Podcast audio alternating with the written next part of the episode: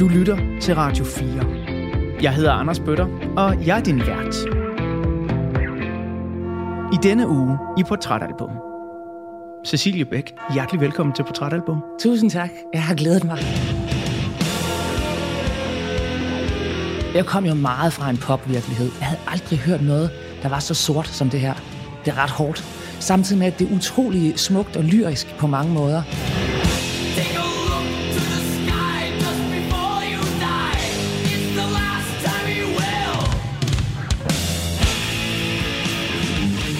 Er jo bare rock and roll for helvede. Ja, ja, ja. Dengang det var, altså det var så råt. Hvis du spillede det for nogen derude i, i Kalhave, altså Ja. så ville de skrige, mine ører, mine ører, au, au, au, tag det af, det gør ondt.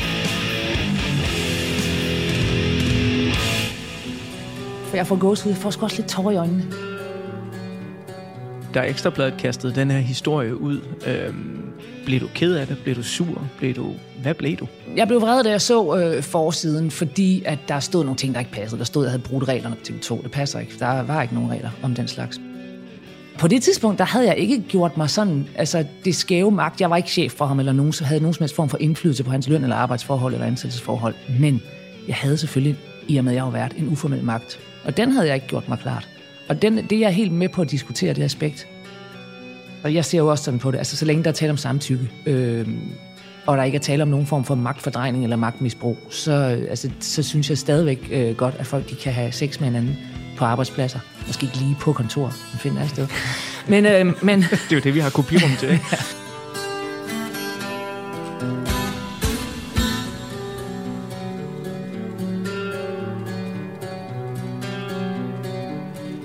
Rigtig hjertelig velkommen indenfor i ugens portrætalbum her på Radio 4.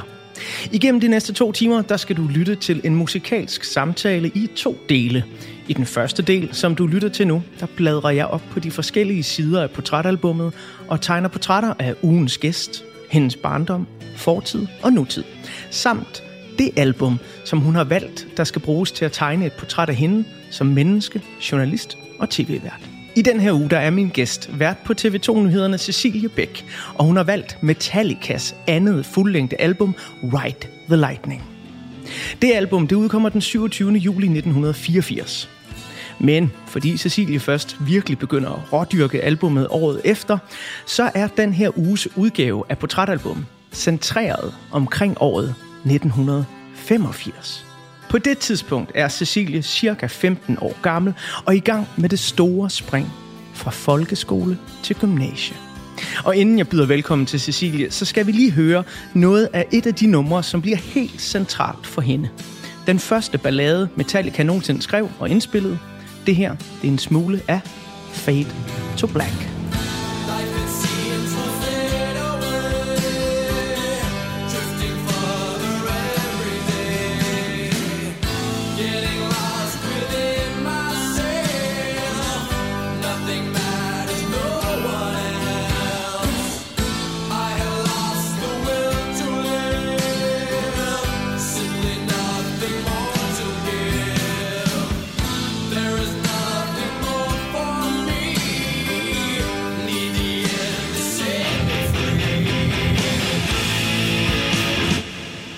Det her det er det første nummer, som ugens gæst her i Portrætalbum hørte fra Metallicas andet album, Ride the Lightning.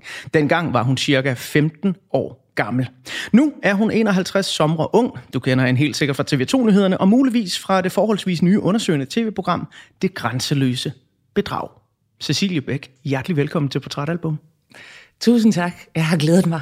Har du det? Ja, det har jeg. Det er jeg virkelig glad for at høre, fordi jeg blev jo sådan helt ellevild, da øh, du valgte Metallica. Ja. Fordi jeg var sådan, jeg har hørt på vandrørene, jamen Cecilie Bæk, hun kan godt lide at danse, du skal måske over i noget Duran Duran, du skal et eller andet, hvilket også er et band, jeg elsker, men Mhm. mm-hmm. Metallica, de står mit hjerte meget nært. Um, Fade to Black, som vi lige hørte noget af, uh, resten kommer senere, det var som sagt det første nummer, du hørte fra Ride the Lightning-pladen. Og hvordan det føltes, og hvad der skete i dit hoved, det vender vi tilbage til lige om lidt. Først så vil jeg bare lige starte med at stikke en finger i jorden. 2022. Hvordan går Cecilie Becker har det? Altså, det er jo et sindssygt år. Altså, det, det her det er lige i dagen efter angrebet øh, i Fields. Øh, der er krig i Ukraine. Øh, noget, jeg aldrig troede, jeg skulle opleve igen. Øh, apropos min ungdom og barndom, som jo var meget præget af den kolde krig. Og nu er på vej ind i noget, der unægteligt ligner det igen. Øh, lige efter, at coronakrisen er knap nok er blevet aflyst. Altså, jeg, jeg synes, det har været et vildt år, øh, sådan øh, fagligt øh, og øh, verdenshistorisk set. Øh, på det menneskelige plan, for der, går det meget fredeligt. Der, okay. altså, på det private, der, der har jeg det utrolig godt faktisk. Der synes jeg, jeg lever sådan meget i, i harmoni, i stærk kontrast til, hvordan verden ellers ser ud i øjeblikket. Men Det er da dejligt at leve i harmoni, når nu alt andet rundt om en, det bare ramler nærmest. Ja, ja tak. Det havde været ubærligt, hvis øh, der var kaos øh, både i privaten og, og ude. Ja. lige præcis. Vi skal lige tilbage til Fade to Black, fordi øh, jeg ville ikke være en øh, rigtig musikformidler med hjertet på rette sted, hvis ikke jeg lod dig, der lytter med lige nu, høre resten af det her fantastiske nummer.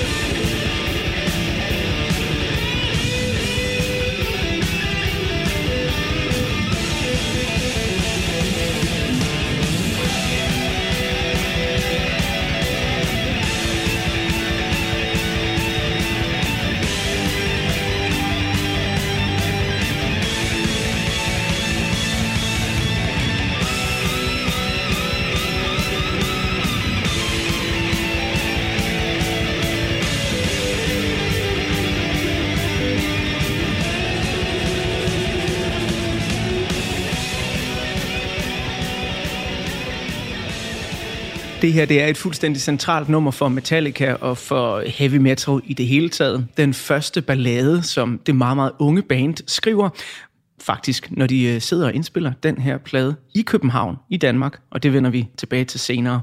Cecilie Bæk, du er min øh, gæst i den her uges portrætalbum, og øh, jeg har glædet mig meget til, især her den første del af portrætalbum, at lære dig bedre at kende, helt tilbage fra den gang, du møder det her band, og også faktisk lidt før.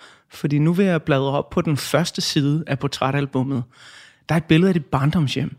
Hvordan ser det ud? Mm, vi boede på en øh, nedlagt skole, øh, så vi boede sindssygt stort. Øhm, og derfor måske også lige sådan, ikke helt lige renoveret øh, overalt. Så en, en lille smule... Øh, min, min mor bliver virkelig sur, hvis jeg kalder hende hippie, fordi det var hun ikke, men det synes folk derude på landet, hvor jeg boede, æder på der, hvor mine forældre var. Øhm, blandt andet fordi min stedfar også havde langt hår. Det var jo fuldstændig uhørt, øh, at mænd havde det derude dengang. Og vi havde kokostæpper og, øh, og sådan nogle ting.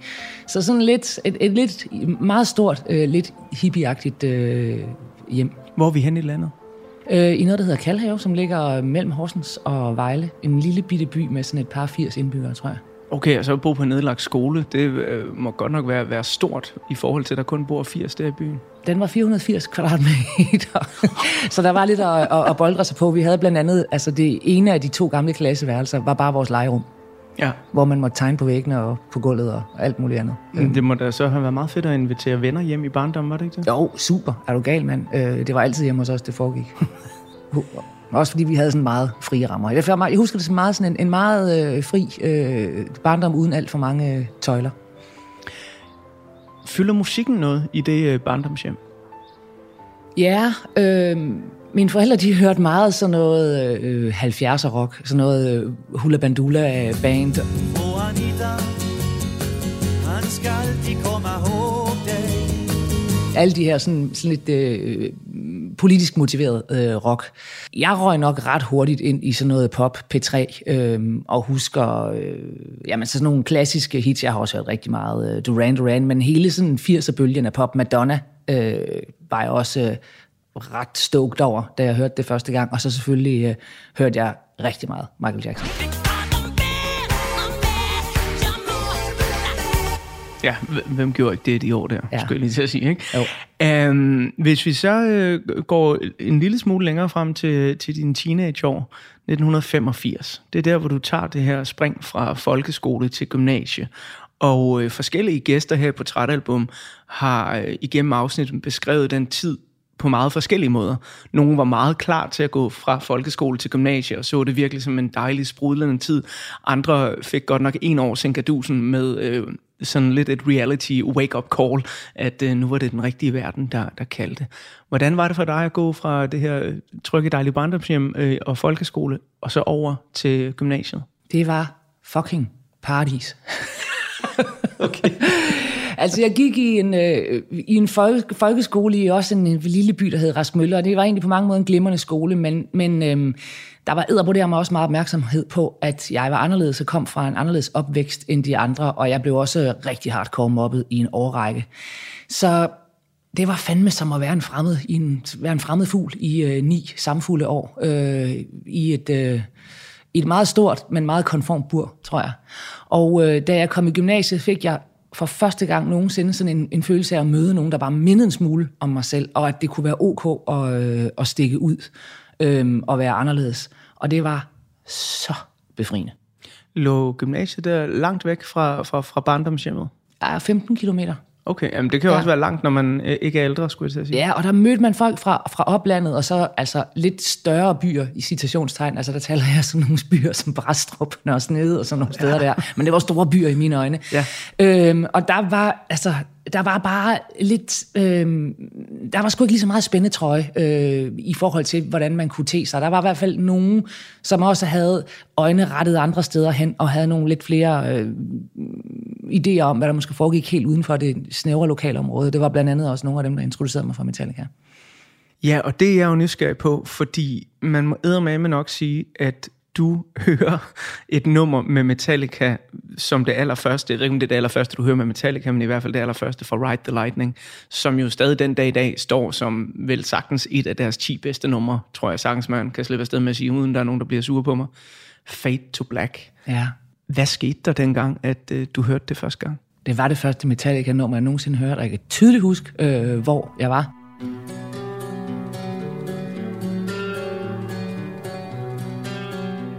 Jeg var hjemme hos en, der hed Irene, som jeg gik i klasse med, som var flyttet hjemmefra. Hun var også lidt ældre end os andre. Det var sindssygt. Øh, men så også... Ja, for det var sindssygt, men det var så sejt. Og der var vi sådan en stor flok fra klassen, der var hjemme hos hende, og så var der en, der spillede det her øh, nummer for mig. Og jeg kom jo meget fra en pop-virkelighed. Jeg havde så hørt en del Iggy Pop, øhm, for det havde min far introduceret mig for. Og der, der er jo også noget rå energi, men jeg havde aldrig hørt noget, der var så sort som det her. Altså, det er jo et fucking selvmordsnummer. Ja. Og det ender jo faktisk også med selvmord, ja. det nummer. Det er ret hårdt. Samtidig med, at det er utrolig smukt og lyrisk på mange måder. Og jeg var helt, øh, jeg var helt blæst bag- bagover. Og måtte straks hjem og udforske resten af, af albummet og finde ud af, øh, hvad det her øh, var for noget. Men, men den der, den der øh, sort, det der sorte, sorte, øh, det, det var jeg meget betaget af, at man kunne give udtryk for på den måde. Der kan jo være folk, der selv den dag i dag sidder og lytter med nu, og ingen forståelse har for, at man bliver draget mod det sorte her. Og det er vel øh, heavy metalens hemsko, øh, og har været lige siden det, det blev opfundet, skulle jeg til at sige. Og det er jo stadig, hvad man bliver skudt i skoene, hvis man tager til en kæmpe kommersiel festival som Copenhagen den dag i dag, at det her sorte musik, det er øh, så mærkeligt. Jeg har også altid blevet draget af det, men ser det jo på ingen måde som noget, der er farligt, fordi det er jo en fortælling, nogle andre giver mig. Dengang du var 15, hvad, hvad, hvad tror du, der dragede dig der? Var, var det mest melodien i det, det smukke i det her, eller var det teksten, du sad og, og nærlæste? Jeg tror, det var kontrasten. Og så tror jeg, det var det der med at give så øh, direkte udtryk for sorte tanker, for det havde jeg øh, ikke hørt i musik før. Altså med Iggy, der kan du høre noget dest- destruktion og en øh, fred og en galskab og et rage osv. Men det her sådan helt øh, sorte, ekstremt øh, deprimeret, øhm, holdt op mod den der meget øh, smukke guitar. Ja, det, jeg, ved, jeg har svært ved at sige, hvad det var, der tiltrækker mig ved det. Jeg tror, det er den der sådan lidt øh, ærlighed, og så måske nok som teenager, som jo er den sværeste tid overhovedet. Altså, godt plads, at man ikke skal igennem det igen. Øhm, det, det, at nogen havde ærlighed til at give udtryk for sine inderste tanker på den måde, som er jo det, man næsten frygter allermest som teenager, at man skulle komme til. Fordi det altid bliver brugt imod en af et eller andet dumt svin. Mm. Øhm, det var nok meget det, og, det, fordi, og det, det handler nemlig faktisk ikke om, at jeg kan spejle mig i det, fordi jeg er nok et af de mindst deprimerede mennesker, jeg kender. Altså, jeg kan ligge og føle mig deprimeret på en sofa i 12 minutter, og så får jeg sgu øje på en nullermand over hjørnet, og tænker, "Nå, jeg kan også lige rejse mig op og støvsuge. Og, ja, altså, ved, jeg, jeg duer ikke til det. Nej, var det også sådan, da du var 15? Ja, jeg duer ikke til at være deprimeret. Nogle gange kunne jeg godt lidt tænke mig altså at være det, fordi mm. på, så, så kom man jo ind i sådan en fase, hvor man dyrkede det der lidt og gerne ville skille sig ud, og så var man så færdig med poppen, og så skulle man bare være sort, og den sorte eyeliner helt ned, og stramme, stramme stræk bukser og, og hele udstyret der. Øhm, så der tror jeg egentlig godt tænke mig, at jeg kunne tænke mig, at jeg ligesom kunne udstråle lidt uh, The Cure-agtig depression. Men det, det, kan sgu, det har aldrig gået mig rigtig godt. Nej, du, du gik aldrig emo-vejen. Nej. Nu øh, er det jo mig, der skal stå for at tegne de fleste portrætter i albumet her, øh, eller i programmet her. Øh, men jeg kunne godt tænke mig at spørge alligevel, hvis vi nu skulle øh, flyve op i et helikopterperspektiv, og du ser på øh, Cecilie, 15 år gammel. Hvem var Cecilie Bæk som person i 1985? Jamen altså, jeg var lige startet gymnasiet, det gjorde jeg meget ung. Øhm, jeg var 14, da jeg startede gymnasiet. Wow. Ja, jamen, jeg var også 5, da jeg startede første klasse. Øhm, så jeg var jo øhm, selvfølgelig menneskeligt set usikker, som man er, øh, når man er teenager. Men på en eller anden måde også sådan meget øh, selvbevidst. Jeg har, jeg har altid vidst, hvad jeg ville. Jeg har altid haft sådan et indre kompas, øh, der styrede mig øh, ret hårdt igennem. Øh, så tror jeg, jeg var sådan meget åben over for, for nye indtryk, og lidt søgende, som man jo også er i den alder. Og så var jeg øh, fagligt dygtig. Var det noget, som du gik op i og, og tog en stolthed i at være, eller var det bare sådan, Ja. det nu var? Ja, det ville jeg gerne. Jeg vil fandme gerne have gode karakterer. Ja. Øhm, der var, altså, der var en grænse for, hvor meget jeg gad at knokle for det, men jeg var pissegod til at fake. altså virkelig. Jamen, det, er jo, det er jo halvdelen af det, ikke? Ja, nej, det er 80 procent. Ja, det, ja, det er 80, det er 80 procent af det.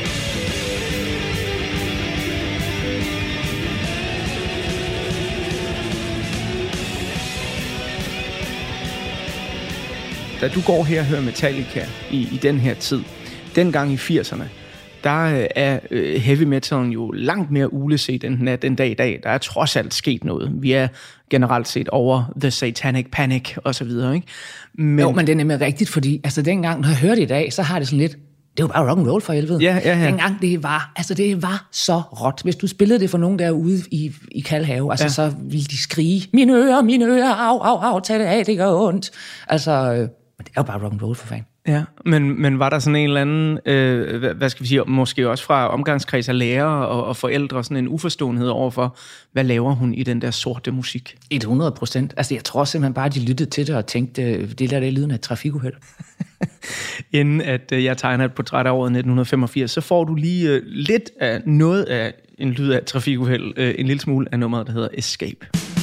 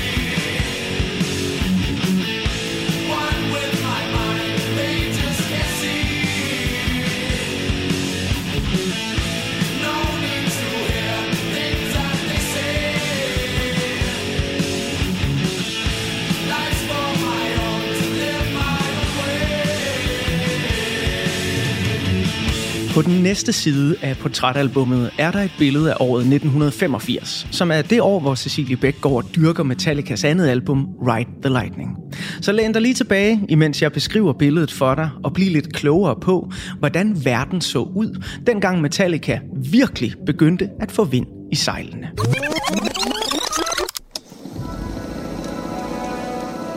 I 1985 der siger vi både farvel og goddag til gamle ting.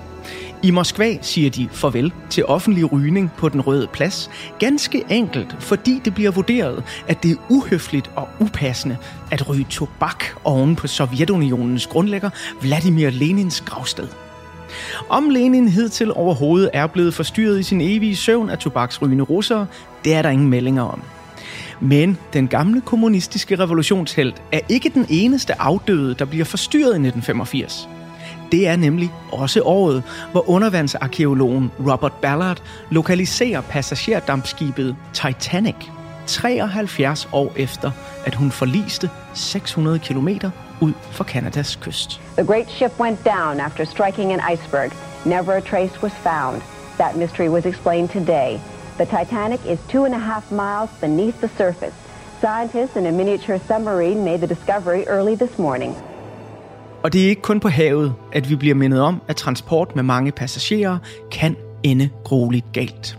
I 1985 styrter Japan Airlines Flight 123 ned i et bjergområde. 520 af de 524 ombordværende omkommer i historiens mest dødelige ulykke med et enkelt fly. This is an event where the crew lost total control of their plane and could barely fly it. Some saying it was even a miracle that they kept it afloat for as long as they did. Men heldigvis så er det hele ikke totalt død og ødelæggelse i 1985, selvom vi alle sammen går rundt og er meget bange for den kolde krig. Det er nemlig året, hvor den amerikanske præsident Ronald Reagan for første gang mødes med Sovjetunionens leder Mikhail Gorbachev. De to statsledere arbejder i Genève i de kommende år på at få afsluttet den kolde krig. For the first time in history, the language of arms control was replaced by arms reduction. Mr. General Secretary, though my pronunciation may give you difficulty, dovayai no provayai. Trust but verify. Men hvis man ønsker sådan lidt lettere kalorier end koldkrigsmøder, så er 1985 et år, hvor en række teknologiske opfindelser, der senere skal ændre vores liv og underholdningsbranchen, ser dagens lys for første gang. Pixar Animation Studios bliver grundlagt, og Microsoft udsender det banebrydende styresystem Microsoft Windows 1.0. Men er man ikke så meget til 3D-animationer og hjemmecomputere, så kan man for første gang i 1985 også fornøje sig med forfatteren Bill Wattersons nye tegneserie Sten og Stoffer. Den bliver op igennem 1980'erne og start 90'erne en kæmpe succes internationalt. En anden kæmpe underholdningssucces det år er den amerikanske skuespiller og instruktør Sylvester Stallone. For da årets mest sete biograffilm skal gøres op, så ligger der Stallone-film på både tredje og fjerde pladsen. Rambo 2 og den fjerde Rocky-film, hvor Sly han kæmper imod den onde russiske superskurk Drago, bliver nemlig nogle af årets bedst indtjenende film. He dies. He dies. Men der er dog ingen film, der når den suveræne 80'er film, der indtager førstepladsen over årets mest indtjenende film. 1985, det er nemlig året, hvor man for allerførste gang kan tage med Doc og Marty McFly tilbage til fremtiden. Wait a minute, Doc. Pa, are you telling me that you built a time machine out of a DeLorean? Når vi ikke ser amerikanske blockbusters herhjemme i Danmark, så kan vi i 1985 sammen med vores broderfolk, grønlænderne, fejre, at Grønlands nationalflag hejses for allerførste gang. Det sker på Grønlands nationaldag den 21. juni 1985. Flaget er tegnet af den grønlandske maler og grafiker Tue Christiansen. Af andre store overskrifter fra 1985, så kan nævnes to meget voldsomme begivenheder.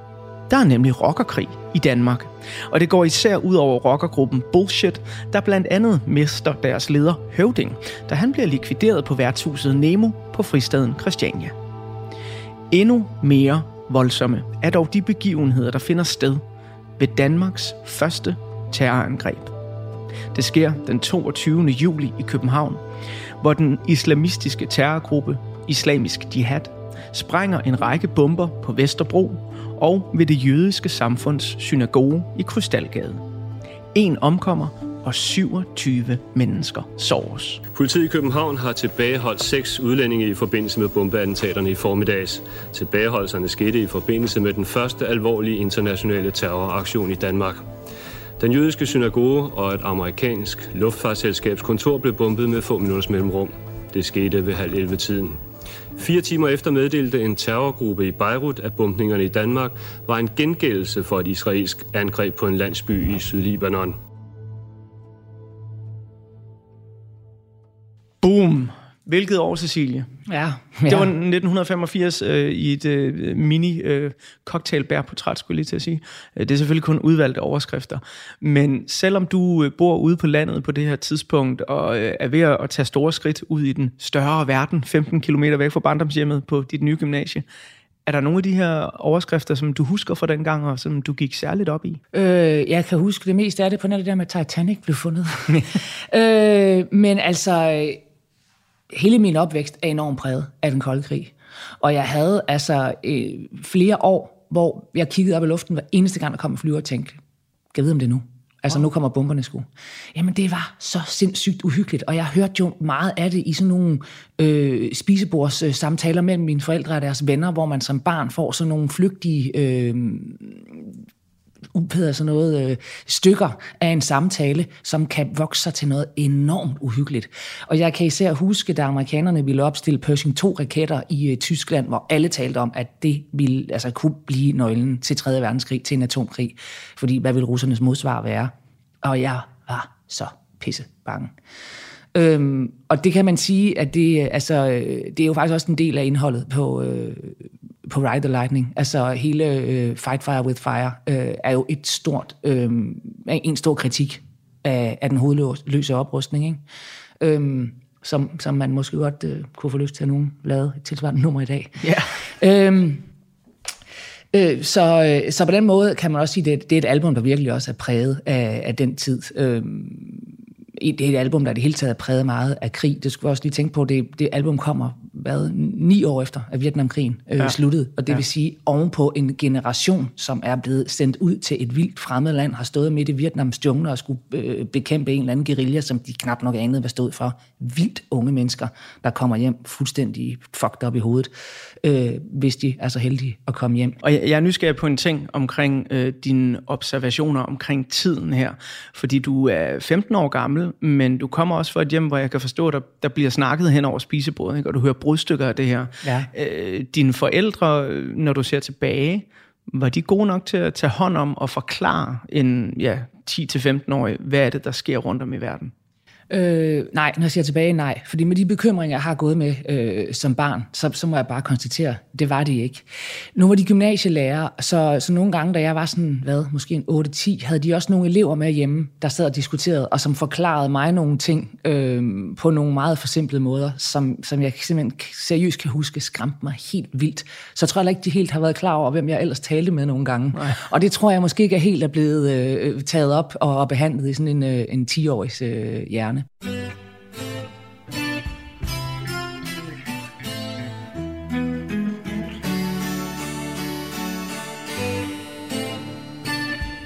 Vi sidder i 2022. Øh, Rusland har invaderet Ukraine, og øh, der sidder garanteret også en masse børn derude med en, med en masse spørgsmål.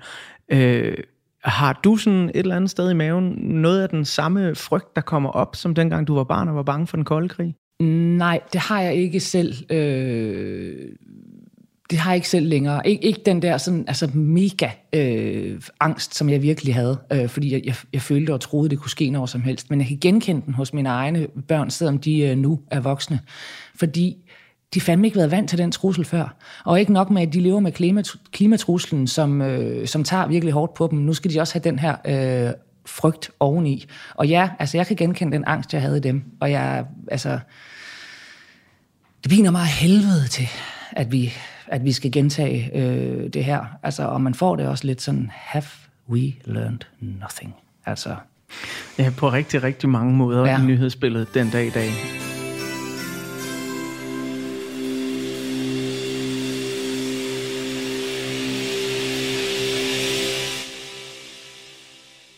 Inden jeg tegner et øh, lille portræt af musikåret 1985, så er jeg jo også nysgerrig på, nu har vi været inde på sådan, jamen, du, du hører nogle af tidens store popstjerner, Michael Jackson, noget Duran Duran, og, og så Metallica. Men, men hvad er der ellers, øh, og er der noget dansk musik i, i farvandet i, i 85, eller kommer det først senere? øh, nej, jeg hørte en del kliché.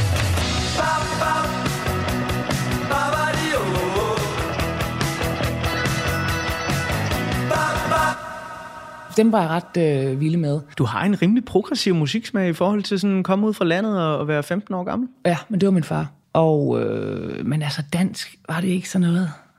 Det var sgu meget... Jeg har nok hørt Rock Casino, men det stoppede jeg nok med, da jeg kom på gymnasiet, for jeg sikkert synes, det var lidt for pinligt. Og Casino er sgu da pissefed, men det kan jeg jo så også sige bagklodskabens lys.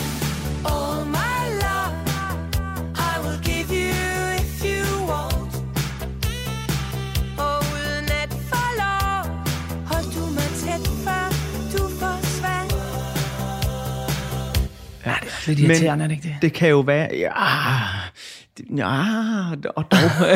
jeg, jeg har altså et soft spot for det, vil jeg sige. No shame at all. Men det kan jo være, når jeg giver dig en lille bouillon-terning her øh, over året, at øh, der vil være ting, øh, der dukker op i hukommelsen. Åh oh ja, for helvede, nu kommer de i tanker med. Ja. Anne Linnet. Ja. Sol, og må, Sol, måner og stjerner. Den gule plade, som den bare hedder. Yes. Ja. Kæmpe, ja. kæmpe værk.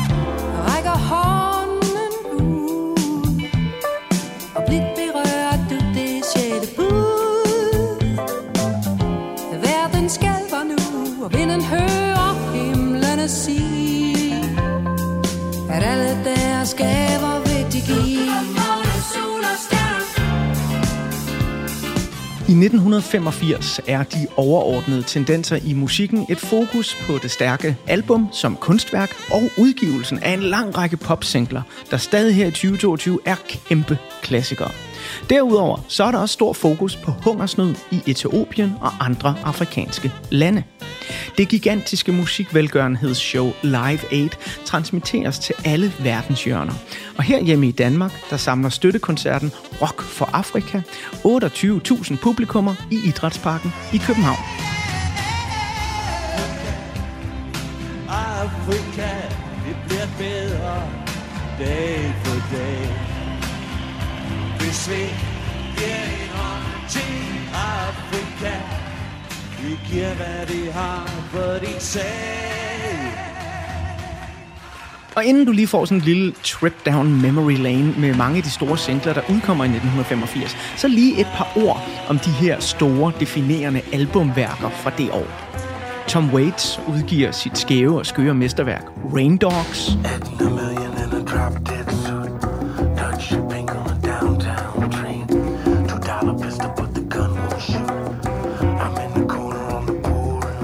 The Jesus and Mary Chain brillerer med den støjpoppede Psycho Candy.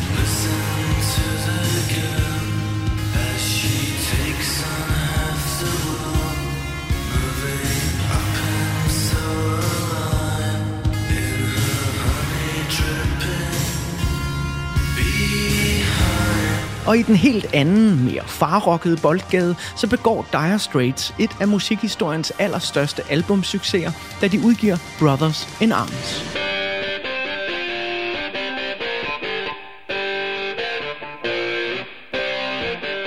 Og så er der jo selvfølgelig også Kate Bush, som i 1985 udgiver hovedværket Hounds of Love, der blandt andet indeholder et af de mest streamede numre her i 2022.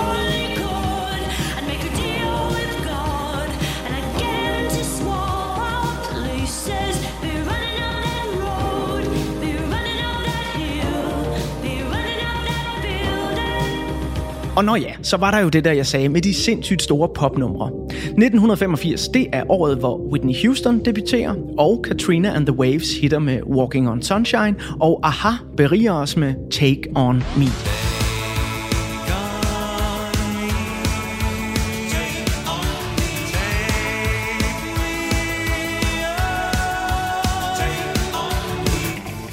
Men det stopper slet ikke her.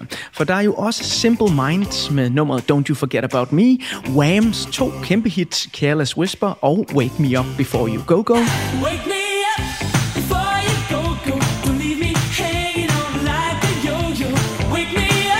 Duran Duran skruer i 1985 op for 007-feberen med deres Bond-klassiker A View to a Kill, men det er den unge stjerne Madonna, der smadrer alle de andre og får årets absolut største internationale hit med hendes nummer Like a Virgin.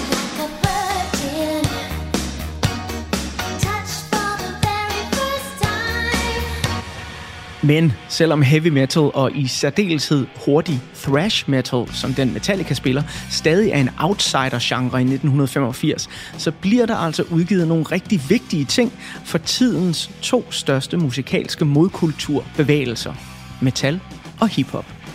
Der er nemlig debutalbums fra både Run DMC og LL Cool J, og så udkommer der vigtige albums fra nu legendariske metalnavne, såsom Halloween, Possessed, Iron Maiden, Slayer og debutalbummet fra det tidligere Metallica-medlem Dave Mustaine og hans nye band Megadeth.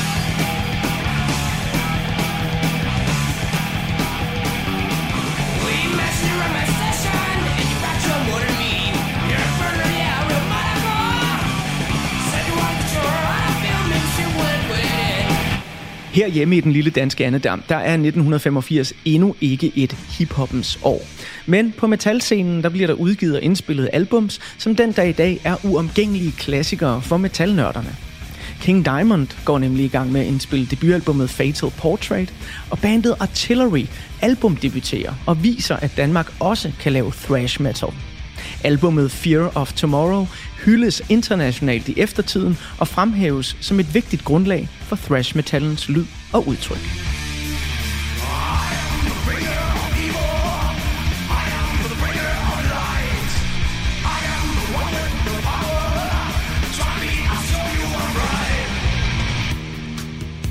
Oppe i de lidt højere og mindre voldsomme luftlag i den danske rock, der er der debut-EP fra de unge cowpunker Disneyland After Dark. 1985 er også et stort Anne Linnet år. C.V. Jørgensen udgiver albummet Vennerne og Vejen. Gnags får et lille hit med nummeret Kærester fra deres 11. album En Underlig Fisk. Og TV2 udsender albummet Rigtige Mænd gider ikke høre mere vrøvl, som med 250.000 solgte eksemplarer bliver bandets bedst sælgende album nogensinde. Og det album indeholder blandt andet klassikeren Hele Verden fra Forstanden.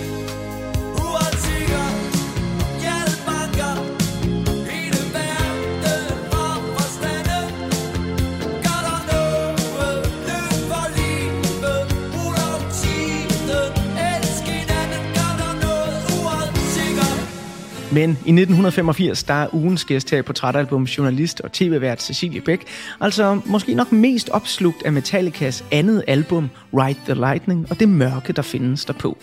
Og her, der er endnu et af de sindssygt stærke numre, som hun har udvalgt for albummet, åbningsnummeret Fight Fire with Fire.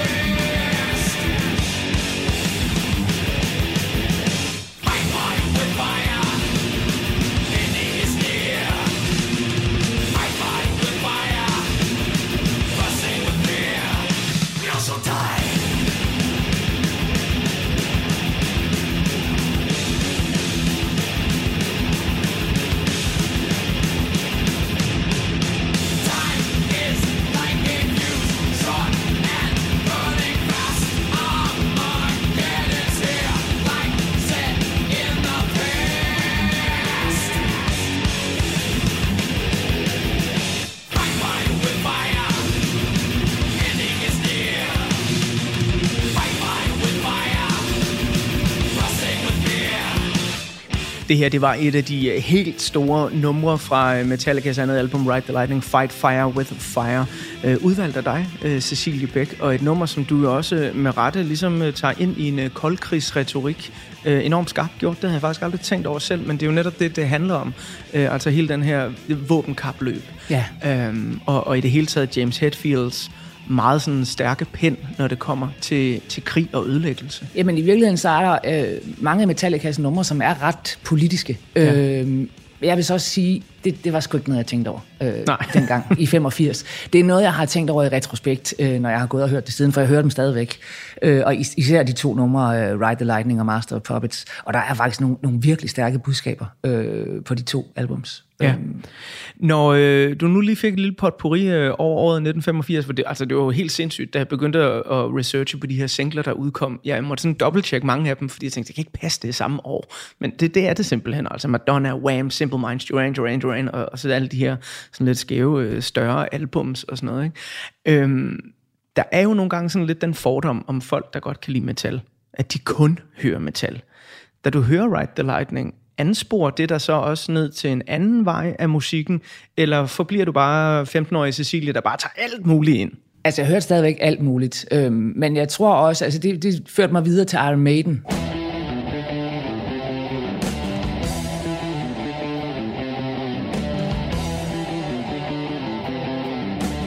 Og så en smule slager hørte jeg øh, senere.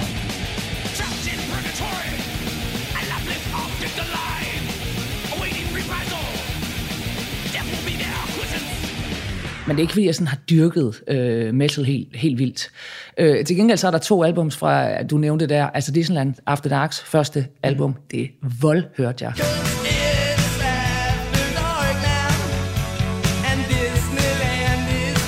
Og C.V. Jørgensens Vennerne og Vejen.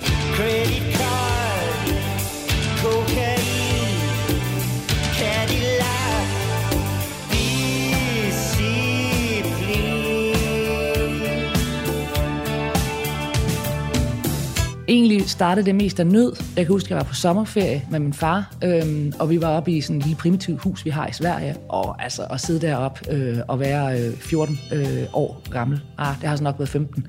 Øhm, jeg røvkedet mig. Så jeg sad sådan set nok nærmest i 14 dage inde i hans bil og hørte det eneste kassettebånd, han havde på bilradioen. og det var C.V. Jørgensens Vennerne af Vejen, som lige var udkommet. Og, øh, og der blev jeg sgu ret øh, vild med det album. Øhm, det er faktisk et pisse godt album af nogle virkelig øh, stærke numre. Og faktisk også, øh, selvom at C.V. Jørgensen jo er noget ældre end mig, øh, nogle ting, som jeg virkelig kunne identificere mig med. Digital Hjernedød konservatisme Nådeslys Illoyal funktionalisme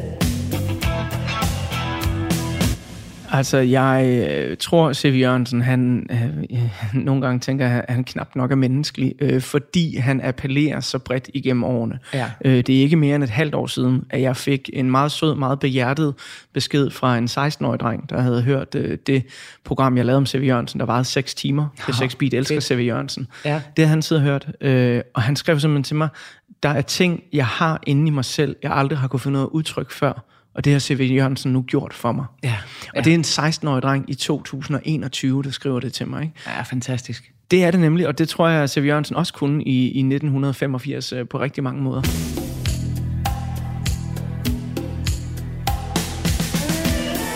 Hvem havde du øh, som mentor, eller inspirationer, eller idoler, der ligesom førte dig ned ad den sti, der, der ender der, hvor vi sidder nu?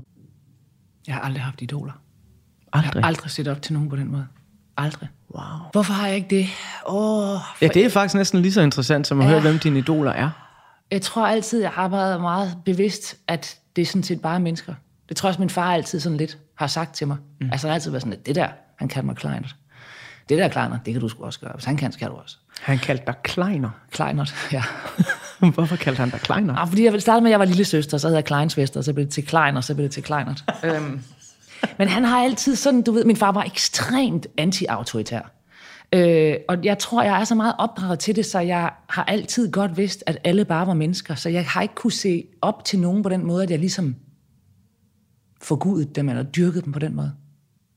Jeg kan godt øh, øh, beundre nogle folk for nogle skills, de har, men jeg har aldrig betragtet nogen som overmennesker eller supermennesker. På det her tidspunkt i, i øh, midten af 80'erne, hvor du er øh, de her cirka 15 år gammel, bliver musik også sådan et pejlemærke for, hvem du er, og hvem du gerne vil være som person, eller er det mere øh, noget, der er i baggrunden til underholdning? Nej, øh, nej, jeg tror, det, jeg har brugt det øh, rigtig meget, øh, i hvert fald til at identificere mig med, og selvfølgelig bruger man det også til at identificere sig ud fra, og også fordi der var jo helt klart øh, ting, man hørte, øh, når man var alene, som man helst ikke øh, ved guilty pleasure musik, og, så var der, og så var der musik, øh, som man flashede, at man hørte, vi skal jo også lige huske Pink Floyd, og fandme også stadigvæk store i 80'erne, og kæft, dem har jeg også hørt meget. Øhm, så, men jeg har altid været et ekstremt tekstmenneske. Jeg kan ikke dyrke et nummer, uden at høre, hvad de synger. Altså alene af den grund, at jeg kan ikke gå rundt og dyrke et nummer, så aldrig har lyttet efter teksten. Jeg kan huske min eksmand, han var sådan lidt, jeg aner ikke, hvad det handler om, jeg har overhovedet ikke, jeg har slet ikke hørt efter, hvad de synger. Jamen, du kan sgu da ikke, hvad nu hvis det er et nynazistisk budskab? Du ikke rende rundt og dyrke et nummer, når du ikke aner, hvad det er, de siger, for fanden. Øh, det, og jeg har fuldstændig respekt for folk, der er pisselig glade med det.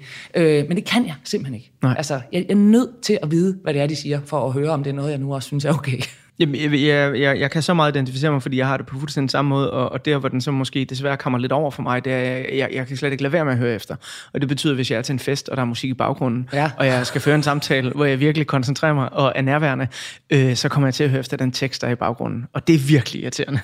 Fordi der er jo, jeg, jeg vil gerne være nærværende i samtaler med folk, ikke? Ja. men jeg kommer nogle gange bare til at drifte helt vildt, og jeg må sådan holde på mig selv. Øh, Men det er sjovt, for der findes virkelig, altså der findes dem, der, der går op i teksten, og så er der dem, der simpelthen eh, altså ikke giver en fuck. Og det, Ja. det er meget interessant. Jeg havde det faktisk sådan, da jeg begyndte at gå til yoga, der slutter man altid af med at sige namaste. Mm. Og sådan de første tre gange, der sådan lidt, ah, jeg ved, det siger jeg sgu ikke lige. Og så tredje gang, der spurgte jeg sådan lidt, hey, hvad betyder det der namaste egentlig? Men det er bare sådan en hilsen, der betyder tak. Så jeg sådan, "Nå, okay, så gider jeg godt at sige det. Men altså, jeg kunne ikke få mig selv til at sige det, hvis jeg ikke vidste, hvad det betød. nej. Hvad nu, hvis det på indisk betød, at Hitler var stor? Ja. eller, eller Stalin er Gud? Eller, altså, det gider jeg sgu ikke. Nej, Jamen, det, det forstår jeg virkelig godt. Altså, det er jo også der, altså, tekst er jo sindssygt vigtigt. Øh, ellers var det jo ikke kommet ind i musikken, vel?